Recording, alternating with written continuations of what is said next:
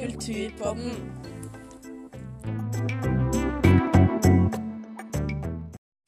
Hei. Velkommen tilbake til Kulturpodden episode 35.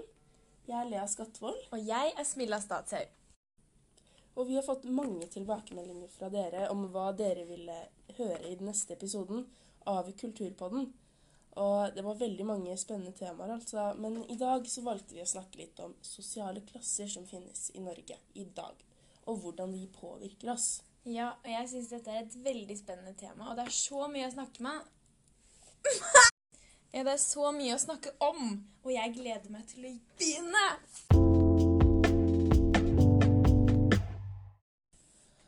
Ja, først er det kanskje lurt for å forstå hva sosial ulikhet er, å gjengi og bruke teorier om lagdeling av klasser. Eh, Det er jo Max Weber og Karl Marx som har de to eh, mest kjente teoriene om sosial ulikhet her i verden. Ja, da kan jo jeg begynne med å forklare veldig kort om eh, Max Webers teori. Han mente det var sosiale lag. Og med det mente han at det er et antall individer som befinner seg på omtrent samme nivå i totalfordeling av byrder og goder. Han mente at noen roller og grupper har flere ressurser enn andre grupper, som fører til mer makt.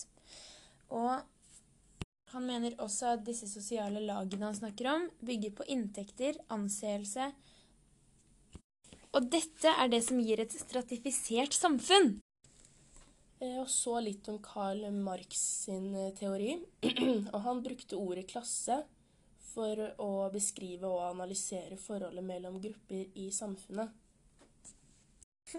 En klasseanalyse vil i stor grad være opptatt av årsaker til ulikhetene, mens en lagdelingsanalyse mer ser på selve ulikhetene. Ja, så ved å bruke en slik klasseanalyse som Karl Marx gjorde, så fokuserte man mer på å finne årsakene til ulikhetene. F.eks. hvorfor tar noen lengre utdanning? Ja, og i motsetning til denne klasseanalysen så brukte Max Weber en laganalyse som dreide seg mer om selve ulikhetene, som f.eks. hva forskjellene i utdanning var, og ikke hva slags årsaker til det var. Vi ble jo aldri ferdig med Ja, jeg kan vel begynne å forklare litt om Norges samfunn, da. Det blir jo sagt at Norge er et eh, egalitært samfunn. Eh, altså at den sosiale ulikheten ikke er så stor. Eh, dette kan jo diskuteres i stor grad, og jeg er sikker på at mange har veldig delte meninger om dette. Men eh, jeg er ganske enig i at vi er et egalitært samfunn. Vi er jo et av de landene med minst forskjeller mellom fattige og rike. Hva mener Mhm. du om det, Smilla?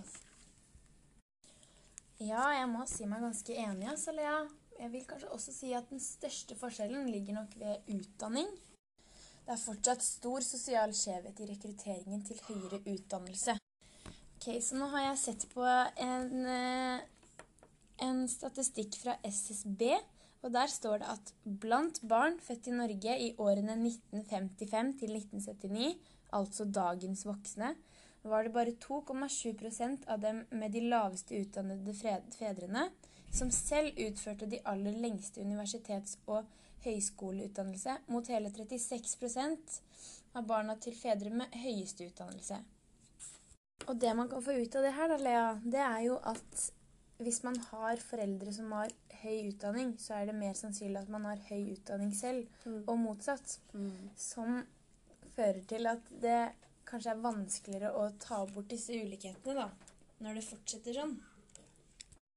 Så i konklusjon til det jeg har sagt, da, så dess bedre utgangspunkt i klassehierarkiet, altså hvis du er født høyt i klasse og med foreldre med god utdanning, dess større sannsynlighet er det for å klatre til toppen av den økonomiske pyramiden. Ja, så det du sier da, er jo at eh, du er enig i at Norge er et ganske egalitært samfunn, men eh, ulikheter eh, når det kommer til utdanning, gjør at det blir, kan bli store forskjeller mellom klassene i Norge. Ja, det, det er det jeg sier. Mm, ja, men jeg ser jo den. Det er jo helt sant. Det har, er jo vist. Jeg føler også at det er, eller som jeg sa, da, så er det på en måte et sånt mønster som går i generasjoner, som gjør at kanskje den samme familien alltid blir der, i den Mm. Det Ja, og kanskje den tydeligste forskjellen man kan se i samfunnet i dag, er kanskje det med fattigdom. Ja. Um, fattigdom er jo ikke noe vi er veldig godt kjent med her i Norge, vil jeg si. Og vi har eh, langt færre økonomiske problemer sammenlignet med resten av Europa.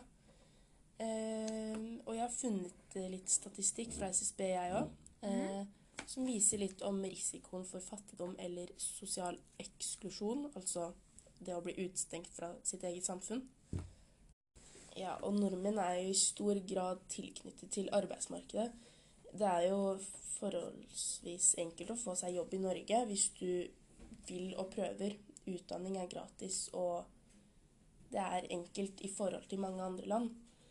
Eh, samtidig så er også andelen under lavinntektsgrensen svært liten. Eh, ja, og som denne statistikken viser, så ser man at, eh, 12 til, at det kun er 12-16% av Norges befolkning som har en sjanse for eh, dette, altså fattigdom eller eh, eller eh, sosial eksklusjon. Eh, det er ikke mange andre land som kun har 16. Det er andre land som Island og Nederland har også det, mens flere land som Spania, Romania, Italia og Polen er nede på alt fra 25 til helt opp til 60% Og hvis vi skal f.eks. sammenligne med USA, da, der eh, utdanning ikke er gratis, og det er mye vanskeligere å få det til, så ser vi at det er veldig mange som har veldig stor eh, studentgjeld, og de sliter virkelig med å betale det ned. Um, og man ser også mye større forskjeller i de sosiale klassene i USA, der noen er så ekstremt rike, mens andre er ekstremt fattige. Så jeg er helt enig med deg, Asalea.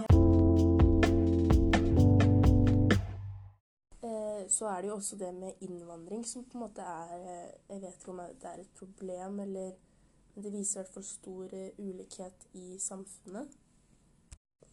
For mange er det jo For mange innvandrere så kan det være et problem. Det kan være vanskelig å integrere seg i det norske samfunnet. Eh, lære seg språket, få kanskje norske venner.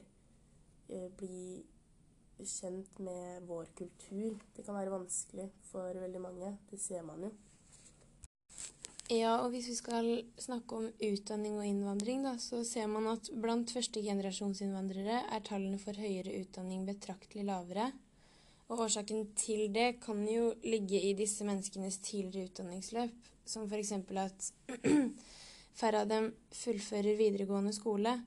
Rekrutteringsgrunnlaget til høyere utdanning blir på denne måten mindre, og dette kan føre til at sosiale skjevheter holder seg over lengre og lengre tid.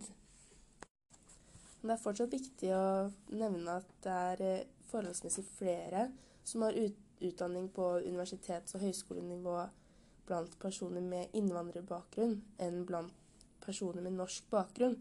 Og det tror jeg faktisk eh, ikke hele befolkningen er opplyst om. Jeg tror mange har, eh, eh, mange har litt fordommer mot, mot innvandrere.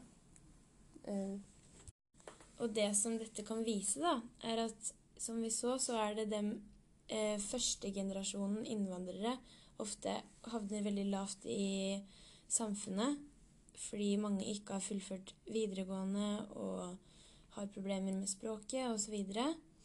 Mens barn av innvandrere ofte tar, oftere tar høyere utdanning enn barn av etnisk norske. Så da kan vi hoppe videre til sosial mobilitet. Fordi begrepet sosial mobilitet betyr at man beveger seg på den sosiale rangstigen, som regel oppover, slik som i eksempelet her, eller vi har fortalt. Eh, Men det kan også rykke nedover. Det innebærer at den sosiale posisjonen til et menneske forandrer seg. Og da er det to typer mobilitet. Det er karrieremobilitet og generasjonsmobilitet.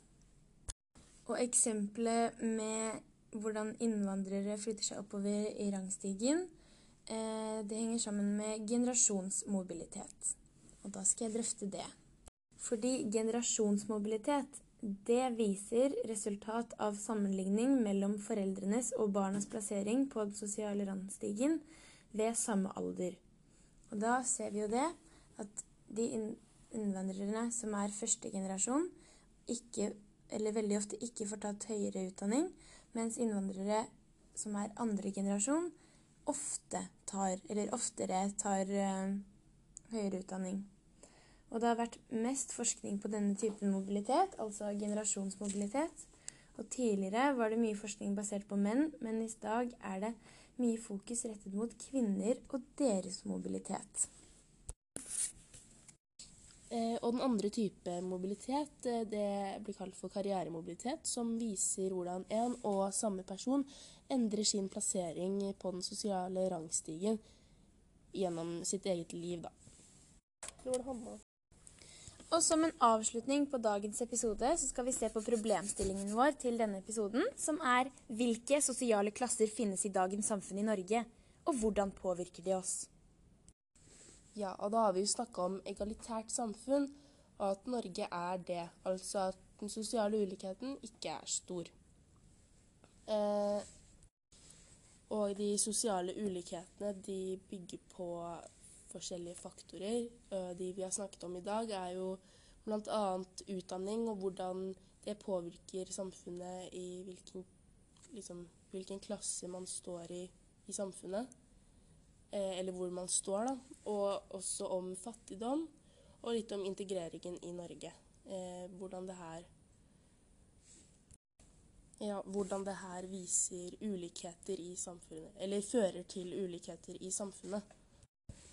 Norge er jo egalitært, eller har, har et eh, egalitært samfunn. Eh. Så ja, vi ser forskjeller i eh, dagens samfunn i Norge, og de påvirker oss i f.eks. slik som vi så med utdanning, at de som har foreldre med lang utdanning, ofte tar lang utdanning selv. Eh, og de som har foreldre med lavere utdanning, ofte tar lavere utdanning selv det var det vi hadde for denne gang. Eh, håper dere likte podkasten i dag. Tusen takk for at dere hørte på, og husk å følge med neste gang. Ha det!